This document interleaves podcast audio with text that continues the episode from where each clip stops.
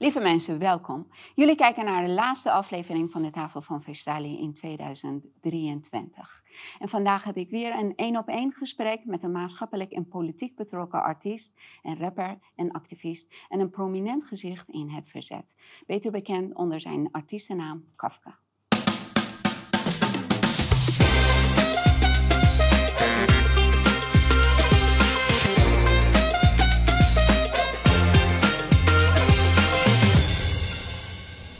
Welkom. Dankjewel. We kennen elkaar een paar jaar. eh, ik volg je op internet, ik Ja. volg je op social media. Jij eh, kent mij ook Ja, van het wederzijds, internet. ja. internet. En eh, vandaag is de eerste keer dat we elkaar in een levende lijf ontmoeten. Super fijn dat je hier bent. Ja, tof om er te zijn. Ik hoef je niet te introduceren, want iedereen die hier naar kijkt, die ken je. Maar kan je ons kort vertellen, waar ben je nu op dit moment het meeste mee bezig? Eh, eigenlijk met eh, eh, ondernemen, maar ook met eh, eh, politiek activisme online. Ik ben natuurlijk ehm, me, er bewust van dat, dat we echt in een informatieoorlog zitten. Dus eh, ik krijg wel eens commentaar van, ja, je zit in Spanje, wat bemoei je je met Nederland? Maar het is heel belangrijk om je te blijven uiten en tegelijkertijd te bouwen aan, aan wat je wel wil. Aan vrijheid en soevereiniteit. En dat doe ik in Spanje, omdat dat in Nederland niet mogelijk is. Maar tegelijkertijd blijf ik me ook uitspreken tegen alle onrecht in Nederland. Ik, eh, op je social media heb je een bericht eh, bovenaan gezet. En je schrijft: ehm, Ik ben ongevaccineerd, ik steun de boeren, ik ben tegen massa-immigratie, ik ben tegen woke, tegen het WEF en de EU, tegen klimaatgekte en ik leer mijn kinderen dat er twee geslachten zijn: man en vrouw. Je ook vlees? Tuurlijk. Ah, je ja. bent een topcrimineel, joh. ja, echt. eh gisteren nog heerlijke hertenbiefstuk gegeten. Dus Mm. Fantastisch. Ja, het vlees is ook gewoon nodig voor de mensen. Ik geloof niet dat, eh, dat mensen echt zonder vlees kunnen. We eten al duizenden jaren vlees, dus waarom zou het ineens niet kunnen? En je ziet ook vaak bij mensen die geen vlees eten, die moeten dat allemaal aanvullen met supplementen. Als het op een natuurlijke manier kan, dan eh, Absoluut. eet je gewoon lekker vlees. Hey, wat, als ik gewoon eh, dit lees, hè, dan denk ik als je dit tien jaar geleden had gezegd. Oké, tien jaar geleden was de macht van de EU en klimaatgekte niet zo voelbaar. Maar als je tegen iedereen had gezegd, nou, ik eh, steun onze boeren en ik zeg tegen mijn kinderen dat twee geslachten zijn, man Ja, en logisch. vrouw, had iedereen gezegd, ja, Ja. en? Dit is gezond verstand. normaal, ja. Maar hoe denk je dat gezond verstand zo zwart is gemaakt? Ja, het is een, eh, er zijn eh, politieke en ideologische krachten gaande wereldwijd, maar dus ook in Nederland. En er, is een, er wordt een agenda uitgerold, een, een aanval op het gezin. Een, eh, er wordt een controlesysteem uitgerold. En dat, eh, dat hangt allemaal met elkaar samen. En ook met klimaat. Uiteindelijk willen ze er naartoe dat je een CO2-budget krijgt, misschien zelfs een social credit systeem. En ehm, ja, als je dan eh, te veel vlees hebt gegeten, mag je niet meer vliegen. Of ze houden zelfs in de gaten hoe lang je doucht. Alles om de mensen bang te houden en onder controle te houden. Je bent politiek ook eh, actief. Hè? Je, je hebt een hele heldere visie als het over politiek gaat.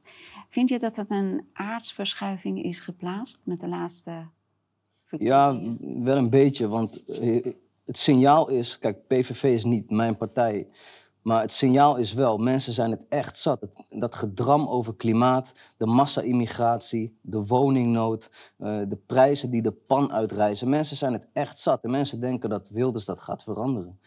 En ehm, misschien zal hij ook wel wat beter kunnen doen samen met Omtzigt en, eh, en Caroline van der Plas. Maar uiteindelijk moet het vanuit de mensen komen. Je, denkt, je zegt dat mensen zijn het zat. Maar als ze het zat zijn, is dit gewoon het meeste wat ze kunnen doen? Eén keer per vier jaar naar stemlokalen gewoon even... Oké, dit is mijn stem. Oh, die doet niks, dus ik moet nog vier jaar wachten. Is dat alles, denk je? Nou ja, FVD is bijvoorbeeld voorstander van referenda. Dat zou nog heel veel kunnen veranderen. Eh, maar tegelijkertijd eh, maatschappelijke initiatieven, protesten, procederen, mensen informeren, mensen bewust maken. Dat kun je in de tussentijd allemaal blijven doen om mensen scherp te houden. Denk je dat mensen dat durven? Want eh, we hebben wel gezien hoe het wordt omgegaan met mensen die demonstreren. Iedereen die zich uitspreekt, die krijgt gewoon een stempel. Je bent wappie, je bent dit, je bent dat. Mensen, eh, nu zijn sollicitatieprocedures zelfs aangescherpt. Als je activisme verleden hebt, dan word je makkelijker afgewezen. Ja. En iedereen heeft geld nodig om te kunnen leven. Denk je dat mensen dat durven? Ja, daarom durven heel veel mensen het ook niet. Ik heb in de coronaperiode ook heel veel berichten gekregen, ook van artiesten die afhankelijk zijn van airplay en sponsors. Van ja, ik wil me wel uitspreken, maar ik kan het niet, want mijn inkomen. Ja, ik zou zeggen, je moet proberen te zorgen dat je onafhankelijk bent, dat je online onderneemt, waardoor niemand jou je baan kan ontzeggen of ehm, ja, dat je sponsors kwijt. Hoe, hoe kan je dat doen? Het is makkelijker dan je denkt. Eh? Ik ben nu bijvoorbeeld bezig met eh, eh, YouTube, ben ik veel mee bezig. En ook met ehm, eh, faceless YouTube channels. Dus dat, dat heet YouTube Automation of YouTube Cash Cow channels. En dat is met behulp van AI-tools zet je YouTube-kanalen op. eh, bijvoorbeeld over geschiedenis of over filosofie, het stoïcisme bijvoorbeeld. Over iets wat je interessant vindt. En dat, daar kun je dan inkomsten mee genereren. En als je dat helemaal snapt, het hele proces, hoe dat allemaal werkt, kun je dat ook weer in een cursus of een e-book aan anderen aanbieden om het anderen ook weer te leren. En daar ben ik nu dus mee bezig. Ook met dat e-book die ik eh, begin volgend jaar ga lanceren. Oh, wat leuk. Laat me weten als je eh, e-book klaar is. Ja. Ik vind het gewoon heel belangrijk dat mensen eh, niet afhankelijk zijn van een baas. Kijk, je hebt mensen die dat gewoon willen, die daarbij gedijen, die dat fijn vinden. Maar er zijn ook heel veel mensen die onafhankelijk willen zijn. En dan is online ondernemen, je kan ook eh, dropshippen of e-commerce, maar dat past niet bij mij. Heb ik ook gedaan trouwens.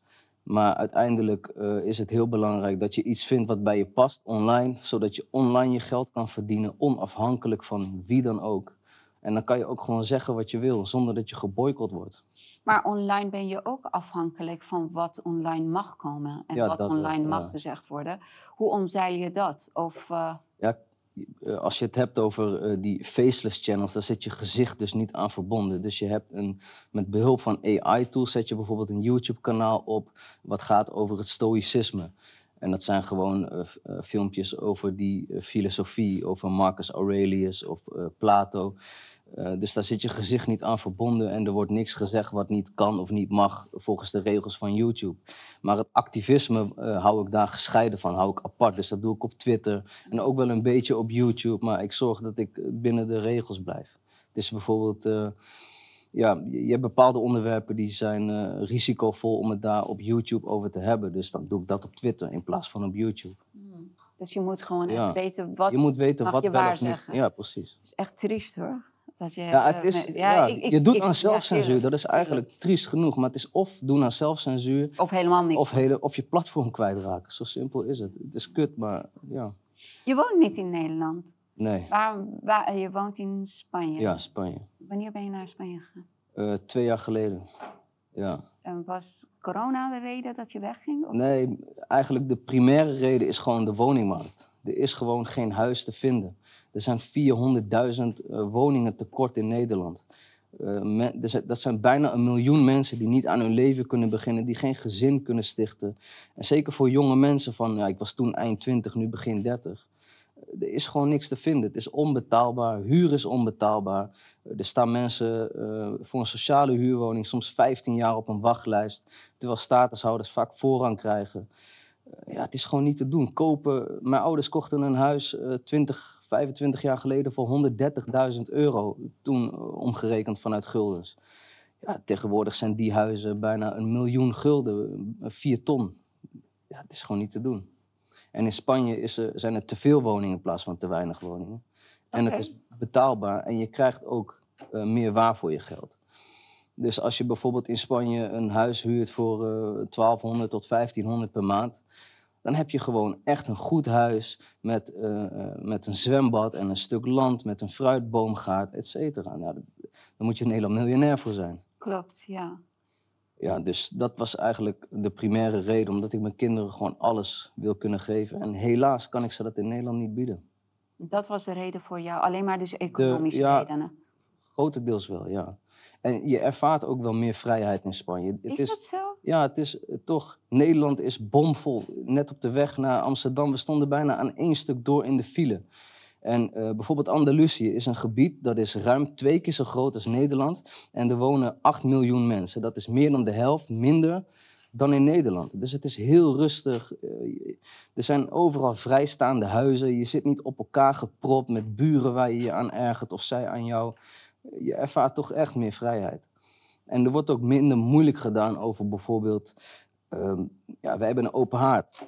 Ja, hier in Nederland, eh, ik zie de melding uit Nederland continu, ja, je mag niet stoken, want er is uh, te veel CO2-uitstoot. Dat moet allemaal kapot gereguleerd worden. Terwijl dat in Spanje gewoon normaal is om in de winter gewoon te stoken. En het ruikt ook lekker als je s ochtends naar buiten loopt en je ruikt de geur. Ja, echt. Brandhout. Het is, van leven ja, vind ik. heerlijk. Maar hoe komt het? Kijk, eh, eh, eh, Spanje is ook EU. Waarom is er zoveel verschil tussen Nederland en Spanje? Nou, Spanje is veel groter. Het is minder, misschien in de steden zou het wel, eh, zouden er wel meer regels zijn. dat, je de, dat je dat moeilijker omzeilt en wel minder vrijheid ervaart. Maar wij wonen op het platteland. Nou, ja, het is niet plat, maar het boerenland, zeg maar. En ja, dat is gewoon moeilijk eh, te reguleren allemaal. En eh, ik denk ook dat Spanjaarden wel een volk zijn. Bijvoorbeeld de FVD van Spanje, Fox bijvoorbeeld, is een gigantische partij in Spanje. Dat is de, ik geloof op twee na grootste partij. Dus mensen komen daar, zijn veel feller in het in verzet. En eh, dat weet de overheid daar ook. Dus, dus eh, ja, pas op de plaats. Mijn ervaring is, ik weet niet of het klopt of niet, hoe meer zon je hebt, hoe feller mensen zijn en hoe duidelijker mensen, eh, weet je, hun uitspreken. Temperament, tegen- ja. ja. Ja. Denk je dat dat in Nederland ook te maken heeft dat wij te weinig zon hebben? Nou ja, gebrek aan vitamine D heb je minder energie. Dus als je genoeg vitamine D hebt, dan heb je meer energie. Ja, het zou te maken kunnen hebben met elkaar. Ja. Als ik vergelijk bijvoorbeeld, ehm, eh, ik, ik heb ook beelden uit Iran in mijn hoofd. Hoe fel daar mensen reageren als Ja. eh, onrecht gedaan wordt. Kijk, nu is daar alleen maar onrecht. Ja. Dat komt omdat ze ook één keer per zoveel tijd mensen gaan de straat op, maar ze worden massaal ja, vermoord en echt letterlijk vernietigd. Maar En alsnog toch gaan ze de straat op. Ja. ik zie ook de beelden uit Iran. En Klopt. Ondanks dat er gewoon met scherp geschoten wordt of dat mensen Ja. worden opgehangen, et cetera, toch blijven ze de straat op gaan met alle risico's van dien. Nu nog het is steeds. hè? gewoon dapper volk. Net als eh, Turken hebben dat ook vaak. Die zijn ook heel fel. Eh, en zo heb je dat ook met Spanjaarden, Fransen. De protesten daar zijn altijd... eh, ik geniet ervan om naar te kijken. Dus ja, het, het ligt aan het temperament, denk ik. Nederlanders zijn over het algemeen hele volgzame, slappe mensen. Ik denk dat Nederlanders willen te, eh, te veel praten. Ze willen alles met woorden kunnen oplossen. Ja, Ik zeg niet dat je gelijk geweld moet gaan gebruiken, maar je kan niet een gewelddadige koep met zachte woorden ontdaan maken. Dat, ongedaan maken. Dat, dat, dat gaat niet gebeuren. Het is wishful thinking, vind ik. ja, Gandhi werd ook doodgeschoten, toch? Dus ja. Eh, ja, ik denk het is eten of gegeten worden. Dat is ook een beetje mijn mentaliteit. En dan ben ik liever degene die eet dan dat ik gegeten word. Dus denk je dat. eh, Je, kijk, we zien het allemaal, hè? het is een globalisering gaande. Denk je dat eh, Spanje daar veiliger in is dan, dan Nederland? Ja, het wordt wel moeilijker voor globalisten om, om daar echt grip op te krijgen. Want het is echt een traditioneel land. Eh, geloof en traditie is enorm belangrijk in Spanje. Zeker waar ik woon, in Andalusië. Eh, daar heb je ook een... ja, conservatieve mensen staan daar aan het roer met een, met een grote meerderheid. Dus het wordt echt moeilijker om daar eh, de boel te ontwrichten, om, om tradities, eh, gezinsleven, familie te ondermijnen. Dat, dat is echt veel moeilijker in Spanje, dat geloof ik wel. Maar denk je niet dat dat gewoon als het puntje bij paaltje komt, dat ze dat toch moeten loslaten? Wat loslaten. Gewoon al die tradities waar ze zoveel waarde aan hechten. Nee, je moet nooit tradities loslaten. Nee, dat weet ik. Maar als ze gewoon. Kijk, we- geweldmonopolie hebben wij niet. Hè? Hebben gewoon mensen die het bepalen. Ja, Denk je dat dat ook misschien oorlog. burgeroorlog, dat zou- in Spanje is dat een reëel scenario als puntje bij paaltje komt. Ja. Spanjaarden pikken echt niet alles. Ze hebben zelfs, eh, ik geloof in de jaren tachtig, dat, dat ze het parlement binnenstormden met, eh, met eh, machinegeweren. Dus Spanje is echt wel een fel land. Ik denk echt dat als puntje bij paaltje komt, dat ze dat niet accepteren. Maar tijdens corona weet ik, omdat een vriendin van mij woont in Malaga, dat ze daar heel erg streng waren met Ja, de eerste golf, ja, ja. De eerste golf was heel... Toen was ik er nog niet, hoor. Maar die was heel streng. Met het leger op straat. Ja. en dus dat was wel echt heftig. Maar uiteindelijk was Spanje het eerste Europese land dat zei... eh, we doen niet meer mee aan die QR-code. En we, eh, we zien corona nu... eh, gaan we op dezelfde manier benaderen als griep. Dus mensen werden langzaam wakker daar. coronaboetes zijn massaal terugbetaald aan mensen omdat het in strijd was met de grondwet. Dus er is wel een soort van uh, ja, voortschrijdend inzicht geweest in Spanje. Je woont in Spanje, maar je blijft heel erg betrokken met Nederlandse politiek. Waarom vind je politiek in Nederland zo belangrijk? Ja, ik vind het belangrijk dat. Kijk, Nederland is. Je, ik ben geen Spanjaard, omdat ik daar twee jaar woon. Ik ben een Nederlander. En ik woon ook met een reden in Spanje. Tuurlijk, het is fantastisch in Spanje. Maar Nederland, je houdt toch van Nederland. Het is wel je vaderland. Ik denk dat jij hetzelfde hebt met, met Iran. En ja, je moet je blijven uitspreken tegen wat je niet wil. En ondertussen moet je natuurlijk bouwen aan, aan wat je wel wil. En je familie bieden wat je ze kan bieden. Al is dat op een andere plek. Maar ondertussen mag je wel betrokken blijven bij het land waar je vandaan komt. Omdat het je gewoon aan het hart gaat. Maar ben je ook net zo betrokken met wat in uh, Spanje gebeurt? Of, uh... Ja, het is niet mijn vader minder. Maar ja, je hebt wel... Uh, ik kijk wel naar de politiek een beetje daar. Wat Fox doet bijvoorbeeld, volg ik wel een beetje. De protesten die daar ook gaande zijn. Er zijn afgelopen weken gigantische protesten geweest in uh, Madrid ja, tegen de regering van Spanje, de socialistische regering van uh, Spanje. Okay. Sanchez. Hebben wij dat hier de, de, op onze Is het niet in de media? Nee, nee. Er waren echt miljoenen verspreid over heel Spanje, in Barcelona, in Madrid. Eh, de straat op gegaan. Ja, dat wordt een beetje in de doofpot gestopt in Nederland. Net als die Franse protesten werd ook heel weinig over vermeld. En misschien ook wel omdat ze bang zijn dat de vonk overslaat. Dat mensen toch in Nederland denken van... hé, hey, die Spanjaarden kunnen het ook. Dan gaan wij het ook doen. Ik denk dat ze daar wel bang voor zijn. Maar hoe ziet het nu met de demonstraties daar? Die zijn nu geloof ik wat rustiger. Ja, dat is kerst en de mensen gaan dan niet... Uh, de mensen willen bij familie zijn. Maar hadden ze daar ook last van geweld door overheid? Ja, ja er, zijn wel, er, zijn ook, eh, er is ook geschoten. Er is ook iemand van Fox neergeschoten door een andere activist weer. Uh, maar ook de politie heeft geschoten met rubberen kogels op betogers. Uh, ze hebben geslagen met knuppels, wat je hier in Nederland ook zag tijdens de coronaperiode. Maar die mensen wilden geen linkse beleid? Of? Nee, ze zijn klaar met, uh, met het beleid van Pedro Sanchez, ja. En wat is het beleid van Pedro Sanchez? Eigenlijk hetzelfde beleid als uh, Nederland, uiteindelijk.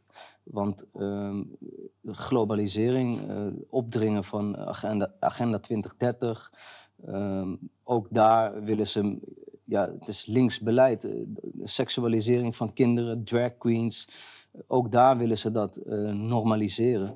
Maar heel veel mensen in Spanje pikken dat gewoon niet. Ik heb een filmpje gezien op je Instagram. We gaan uh, nu naar, naar dat filmpje kijken. Op 1 december, drie weken geleden, deed de rechtbank Zeeland-West-Brabant uitspraak in een zaak waarin een 37-jarige man terecht stond voor seks tegen betaling met een 13-jarig meisje. Het slachtoffer van seksuele uitbuiting. De uitspraak: één dag cel. Eén dag in de cel. Een taakstraf en 1000 euro schadevergoeding. Eén dag zelf voor betaalde seks met een 13-jarige. En wat zeggen de rechters dan? Er is maar sprake geweest van één keer seks. En niet meerdere keren. Zijn we nou helemaal gek geworden? Zeggen we dat ook tegen slachtoffers van verkrachting? Ja, maar het was maar één keer. Of er wordt gesteld, er kon niet voldoende bewezen worden dat de verdachte ook echt op zoek was naar seks met een minderjarige. 13 jaar.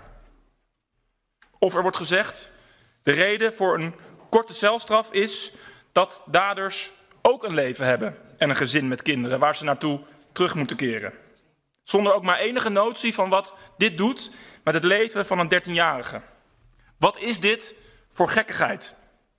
Om het probleem van mensenhandel aan te pakken, moeten we ook wat doen, moeten we ook wat doen aan de klantkant.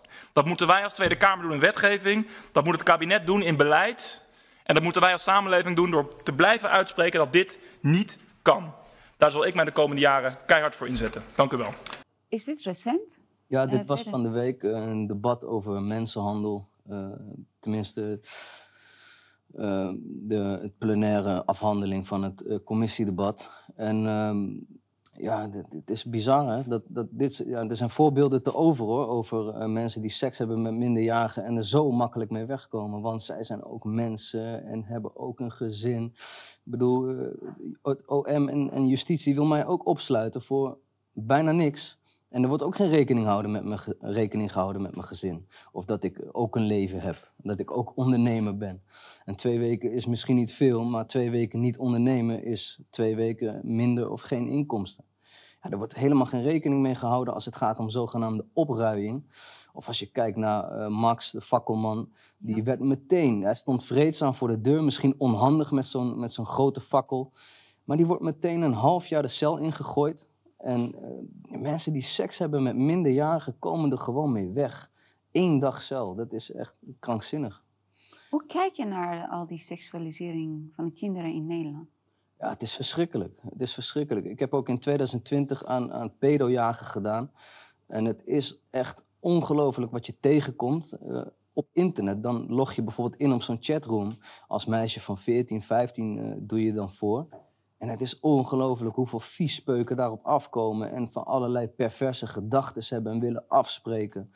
En uiteindelijk spraken we dan af en dan confronteerden we diegene met, met het walgelijke gedrag wat, eh, ja, wat ze eh, vertonen. Dus dat is echt, eh, het is smerig. Ander woord heb ik er niet voor. Het maakt me ook boos en daarom verzet ik me daartegen. Moet je daarvoor eh, twee weken in? Nee, nee oké. Nee, er zijn wel mensen trouwens, ook pedojagers, eh, die ook echt zijn vastgezet. Terwijl degene die de afspraak wilde maken met een minderjarige vrij uitgingen.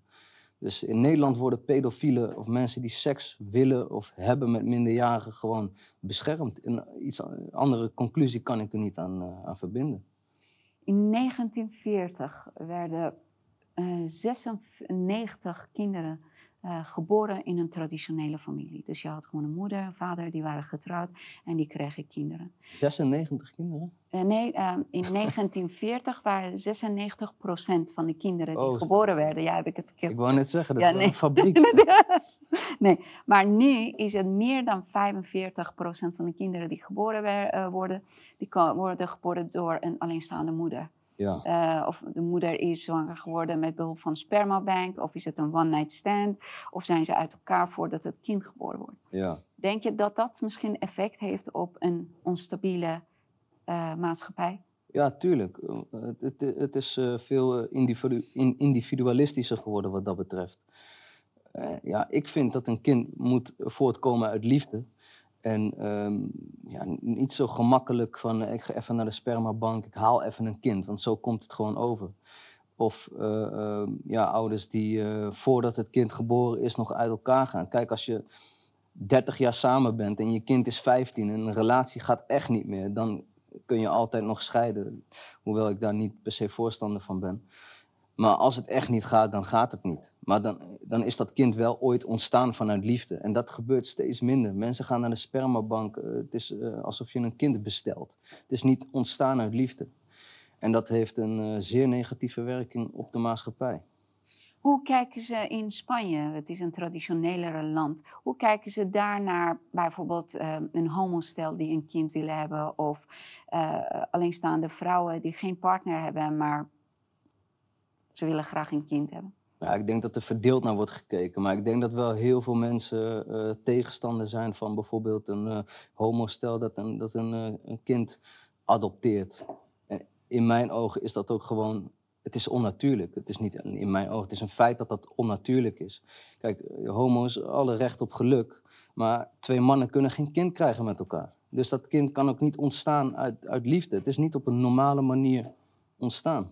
Maar ze kunnen toch ook heel veel van elkaar houden.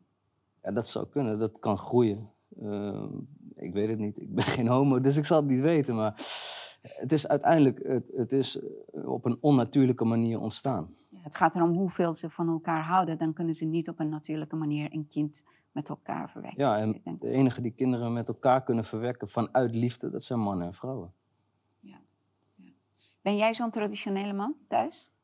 Ja, ik word ook wel steeds traditioneler, want eh, ik ben wel opgegroeid in een gezin dat ook ehm, niet, niet heel progressief, maar ook niet eh, echt conservatief. Dus ik ben wel opgegroeid met bepaalde eh, ja, dingen wat, wat nu normaal wordt gevonden, zeg maar. Daar hebben mijn ouders ook zoiets van, ja, gewoon, dat moet allemaal gewoon kunnen. De, maar ja, ik, ik ben daar niet. Ik spreek me wel uit tegen bijvoorbeeld drag queens die kinderen voorlezen. Terwijl mijn ouders zeggen: ach, laat toch gaan. Echt? Ja, weet je, dat is, zie- ze- ze- zij zien er geen kwaad in. Nee? Terwijl ik dat wel zie. Ja, ik, ik denk dat dat. Oké, ik kijk ook niet zo onschuldig naar een drag queen die voorleest voor kinderen. Nee, die drag queens moeten gewoon in een asielzoekerscentrum gaan voorlezen. Waarom doen ze dat niet? Misschien kunnen ze in Ter Apel een voorleesmiddag houden. of in een eh, bejaardentehuis. Dan worden Maar ze waarom moeten helemaal ze- in elkaar Ja. geslagen, dat weet je toch? Maar waarom moeten ze per se kinderen voorlezen? Ja, ik weet het wel. Ze willen kinderen eh, rijp maken, indoctrineren voor. eh, en het is een aanval op families. Want als kinderen op een gegeven moment helemaal gedesillusioneerd zijn en niet meer weten wie ze zijn, ben ik nou een jongetje, ben ik een meisje? En het wordt ze ook geleerd, is prima als je je jongetje of een meisje voelt. Of zelfs sturend, dat ze een, sturend kinderen benaderen van, ja, weet je wel zeker dat je een jongetje of een meisje bent? Is prima hoor, als je een jongetje bent, maar je voelt je een meisje. En zo manipuleer je kinderen. Ja, ik ben daar zeer op tegen. Zijn er Nederlandse tradities die jij daar heel erg waakzaam voor bent? Of dat je dat heel erg waardeert?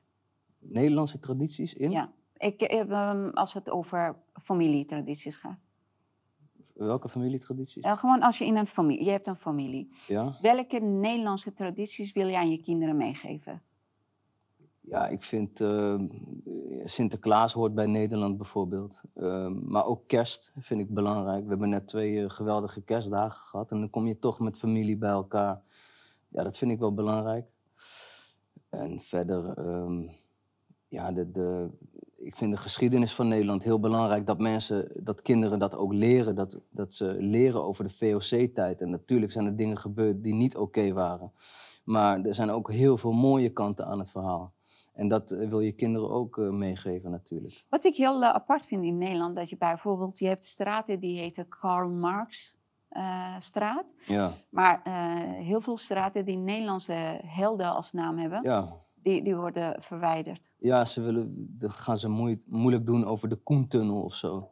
Maar dat kan toch echt niet meer. is niet meer van deze tijd, terwijl Karl Marx eh, wel moet kunnen. Ja, maar Karl Marx was echt een misdadiger, hè? dat weten wij. Ja, en eh, die ideologie, het, het marxisme, dat leeft nog steeds door in Nederland. Denk je dat, eh, of voel je dat in Spanje ook, dat Marxisme steeds meer en meer zijn weg probeert open te maken en bij mensen of bij het land binnen te komen? Ja, vanuit, eh, vanuit, eh, ehm, de, vanuit de Europese Unie, vanuit het World Economic Forum natuurlijk. Eh, en veel mensen omarmen dat ook. Maar er is ook heel veel verzet tegen in Spanje. Hoeveel van EU zie je in Spanje? Ja, ik zie niks eerlijk gezegd. Ik woon heel erg afgelegen. Ik heb van niemand last, niemand heeft last van mij. En dat wil ik graag zo houden. Eh, maar misschien als je in grote steden bent, eh, dan heb je misschien wel wat meer eh, beleid. Net als hier in Amsterdam, dat er alleen nog maar 30 gereden mag worden. Dat soort krankzinnige dingen. Of, of dat je alleen maar 100 mag rijden op de snelweg. Nou, dat is in Spanje dan gelukkig niet zo. Maar dat soort maatregelen zou je ook wel kunnen zien in de grote steden, maar niet op het platteland. Hoeveel van Marxisme zie je daar? Ja, ik, persoonlijk zie ik er niet veel van. Maar je ziet wel natuurlijk ehm, het cultuurmarxisme, het ondermijnen van, van cultuur. Ja, dat, dat gebeurt vanuit eh, internationale organisaties. Ook in Spanje proberen ze dat. Maar er is wel heel veel verzet tegen. En ehm, ben je blij met wat je kinderen daar op school krijgen? Hoe het onderwijssysteem daar werkt? Het is beter dan in Nederland. Eh, in In Nederland welke opzicht? Eh, ja, het is kleiner. De klassen zijn kleiner. Er is meer aandacht voor elk individu en zijn of haar talenten. Ehm, en ze, ze hebben daar ook aandacht voor bijvoorbeeld eh, ehm, religieuze les. Dat, dat, dat je kinderen ook op religieuze les kan zetten. eh, als een bijles, zeg maar. Dus mijn zoon krijgt nu ook eh, katholieke les. Ik vind het belangrijk dat kinderen ook weten van religie, van elke religie trouwens, zo- zodat ze ook weten waar bepaalde conflicten in de wereld vandaan komen, hoe dat ontstaat. Dus in dat opzicht vind ik het onderwijs beter. Ehm, en ik geloof dat ze ook geen paarse vrijdagen hebben. Tenminste, ik heb het nog niet eh, gezien. Er zijn ook geen drag queens die kinderen voorlezen, dus ik vind het allemaal prima. Als ze dat daar krijgen, als je kinderen in paars gekleed naar school moeten gaan, wat doe je dan? En dan laat ik ze thuis. Ja, nee, daar werk ik echt niet aan. mee. Mijn zoon wil dat ook niet. In Nederland was dat wel zo. Dan moesten ze echt in paars. En dan eh, had je Twee jaar paars. terug? Ja, eh, toen begon het al, toch? Paarse Vrijdag. Ik dacht dat het sinds vorig jaar zo Nee, het is al een paar jaar. En, ehm, ja, En wat krijgen- deed je toen? ja, toen heb ik ze ook thuis gelaten.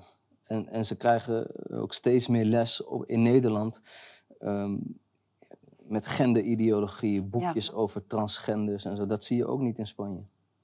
Ze hebben nog steeds die traditionele wijze van onderwijs. Ja, en dat is ontzettend belangrijk. Je moet, je moet kinderen niet.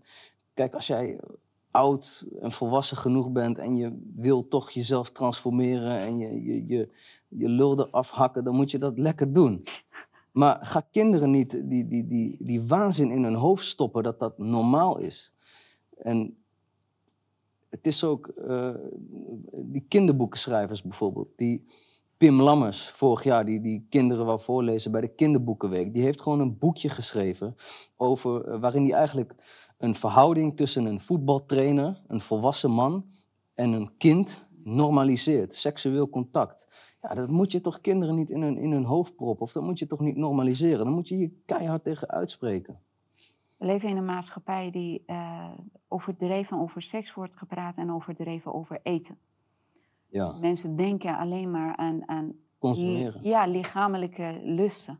Eten, eh, seks, weet ik veel. Je goed voelen. Ja, ko- kortstondige dopamine shots. Ja, er wordt minder gepraat over spiritualiteit, eigenlijk helemaal niet. Over spiritualiteit, over God, over religie, over tradities, over geschiedenis, over filosofieën.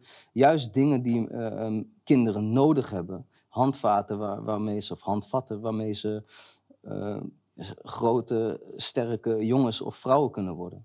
Wat probeer jij je kinderen te leren? Dat, ja. Hoe doe je dat? ja, zelf ook vertellen over dingen. Of ze. eh, ja, ik, met mijn zoon heb ik nu bijvoorbeeld op katholieke les gezet. Die leert dan ook eh, ja, bepaalde normen en waarden mee eh, te krijgen vanuit religieus perspectief. Ja, dat soort. eh, en, en natuurlijk leer ik ze ook dat de heel die gendergekkigheid, dat dat niet normaal is. Ik zeg dat ook gewoon tegen mijn kinderen, dat is niet normaal. En kunnen ze dat ook op school uitspreken? Is dat daar vrijer? Of, eh, is- Ja, ik denk, ze zijn daar niet mee bezig daar. Oké, dus het dus- is helemaal geen on- Nee, het onderwerp is- op school. Nee. nee te- ik weet niet hoe het op andere scholen is, maar in de, op de dorpsschool waar mijn kinderen op zitten, is dat geen issue. Hoeveel kinderen zitten in, eh, in de klas van je zoon? Ik geloof 15 of zo. Dus het is oh, echt dat kleinere klassen. Ja. En ook veel meer aandacht voor elk individu en zijn of haar talenten. Terwijl je in Nederland gewoon een soort eh, legbatterijkind bent. Ja. In een enorme klas met meer dan 30 kinderen. Met een een of andere juffie die, die, van- die net van de pabo komt. Die zelf helemaal geen kinderen heeft. En bij God niet weet hoe ze met kinderen moet omgaan. Laat staan met zo'n enorme klas. Eh, dus ze, ze preken ook eigenlijk voor een soort publiek. En individuen krijgen niet meer de aandacht eh, die ze nodig hebben. En als je dan buiten de boot valt als individu, als je dan opvalt, net iets anders bent, dan word je ook weggezet in Nederland, in het Nederlandse onderwijs. Word je daar niet eh, weggezet omdat jij taal... eh, spreek je Spaans goed? Nee, een beetje spreek ik Spaans. ja. Maar voel je je daar niet een buitenstaander? Nee, valt wel mee. Ik, ik kan Spaans wel redelijk goed verstaan, maar mijn kinderen die spreken wel eh, met de dag beter Spaans. Dus die kunnen zich goed eh, redden op school. Ik zit niet op school. Ik heb ook geen eh, baan bij een werkgever. Ik ben online ondernemer. Dat kan allemaal vanuit huis. Dus ik heb ook niet per se Spaans nodig. Ik moet eh, wel zeggen, ik moet er wel een keer echt voor zitten om wat beter Spaans te leren. Maar het is geen noodzaak voor mij op dit moment. Hoe is het zorgsysteem in Spanje? Stukken beter. Eh, on- ons eh, jongste zoon is eh, eh, geboren in Spanje. En het is daar echt, er is zoveel aandacht voor het kind. Eh, en het kind mag pas weg uit het ziekenhuis, eh, en de moeder ook, als alles goed is. Als alle lichten op groen staan. En in Nederland is eh, eh, mijn dochter ook in, in het ziekenhuis geboren. En daar was het echt van, ja, ze ziet er wel goed uit. moeder, kan je opstaan? Oké, volgende. Dat is de marktwerking in de zorg natuurlijk. Het is echt een business in Nederland. En in Spanje is er meer aandacht voor de mens. En hadden ze tijdens corona toen ook daar problemen met IC-bedden? Of niet? Eh, voor zover ik weet niet. Maar ik weet niet alles van het Spaanse coronabeleid. Dus. Maar voor zover ik weet waren er geen grote problemen met IC-bedden. Het is natuurlijk van de gekke dat je in Nederland op een bevolking van 18 miljoen eh, net 1000 IC-bedden hebt. Dat is gewoon, ja, er hoeft maar één ramp te gebeuren en eh, Er moet voor allerlei hulp ingevlogen worden of vanuit Duitsland of mensen moeten naar Duitsland toe. Ja, Nederland kan zichzelf niet meer redden. Nee, maar ze proberen het ook iedere keer, hè? ieder jaar. Met hey, uh, IC's lopen vol en uh, aantal besmettingen Ja, lopen hoog. ja. Ze proberen het iedere keer, maar gelukkig vallen mensen niet meer. eh, weet je, ze, ze trappen niet meer in. Nee, dat, En- dat vind ik ook wel fijn om te zien, dat mensen er niet meer intrappen. Ook die boostercampagne die eh Ernst Kuipers voerde. Ja, de- de- bijna niemand haalt meer een booster. Dus in feite zijn we nu allemaal ongevaccineerden. Ja, Dat is wel weer mooi. ja. Maar denk je niet dat dan, dan, dan gaan ze met een andere scenario komen? Want ze zien dat deze scenario een beetje uitgewerkt is. Ja. En wat denk je dat Ja, volgens klimaat. Klimaat, daar zijn ze nu echt op aan het hameren. Ja, opwarming van de aarde, nu is het hoog water, ja, er worden dammen gesloopt. Logisch dat het water hoog staat. En dat, eh, dat, eh, dat rivieren overstromen. Maar ook dat is niet, het is niet iets nieuws of zo, dat, dat een rivier overstroomt of buiten zijn oevers treedt. Dat is, je hebt niet voor niks uiterwaarden. Dus dat is, dat is echt niet nieuw. Maar tegenwoordig wordt alles aangegrepen. Elke storm wordt aangegrepen. Elk eh, overstromingje wordt aangegrepen. Elke hittegolf wordt aangegrepen om angst te zaaien voor klimaatverandering.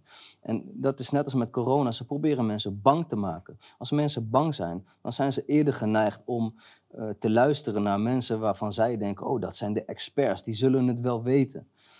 En eh, zo oefen je controle uit op mensen.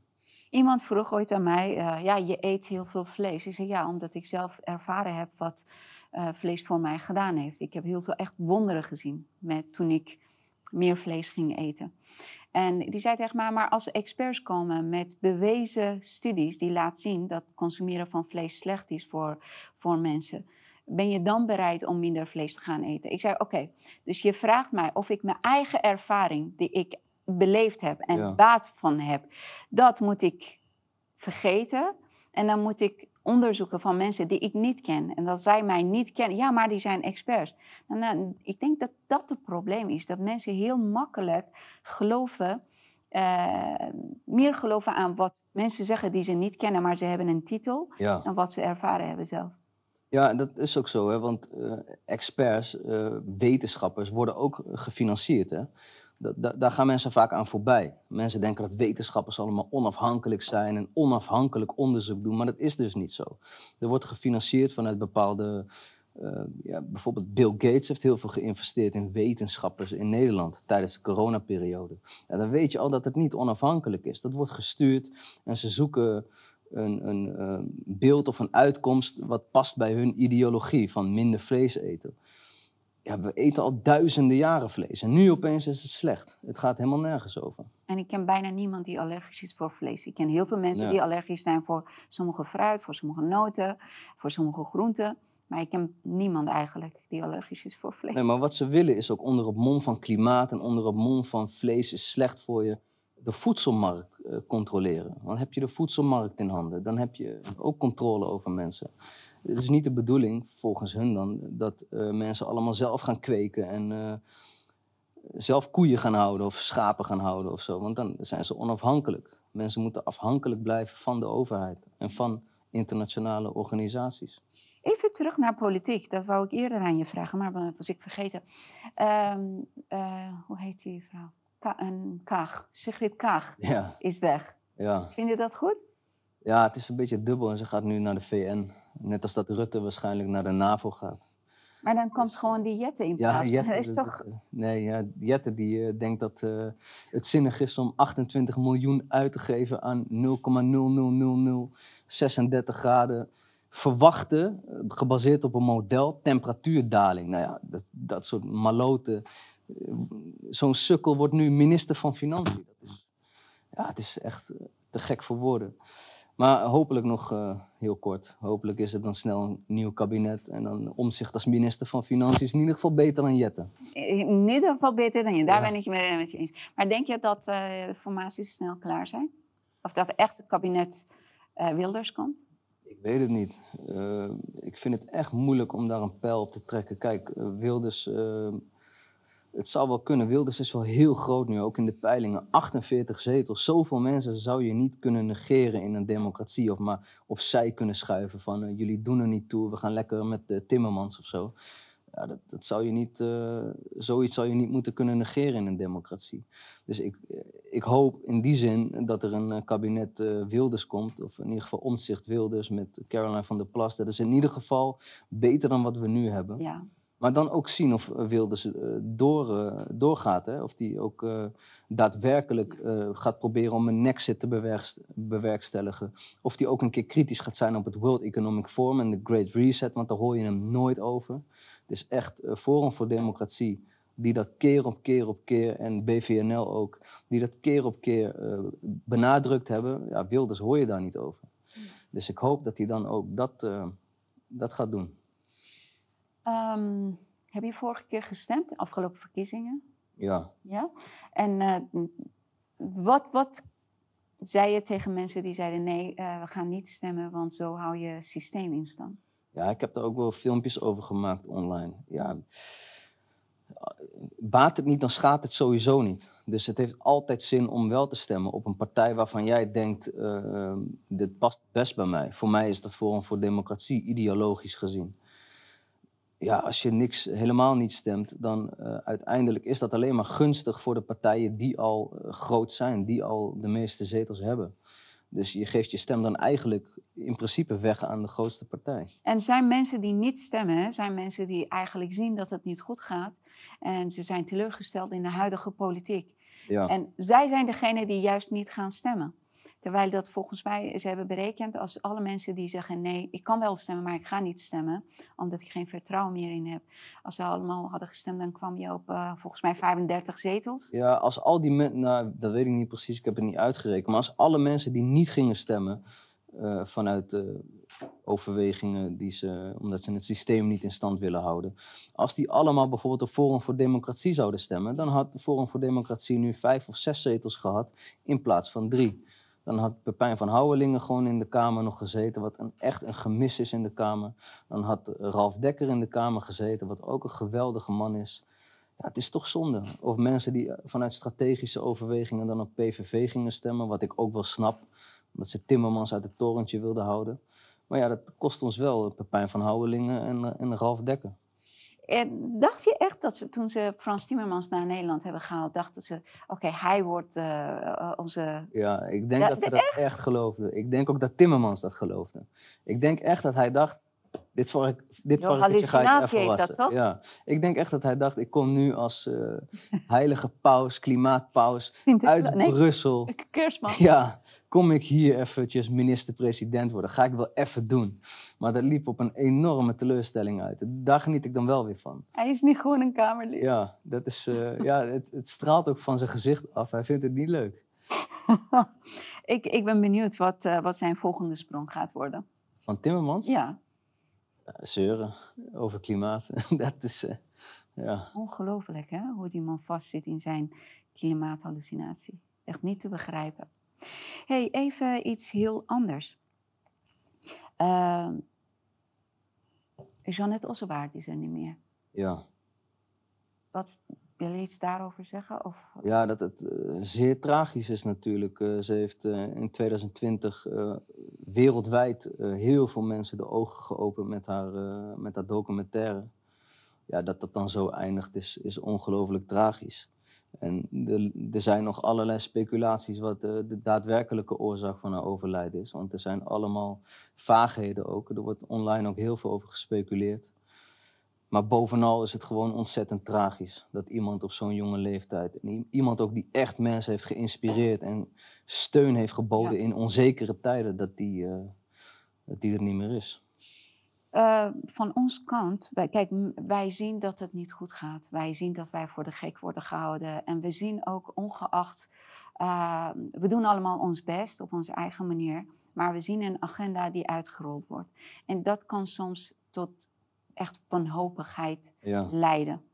Hoe kunnen wij ons uh, niet kwijtraken? Hoe kunnen wij moed?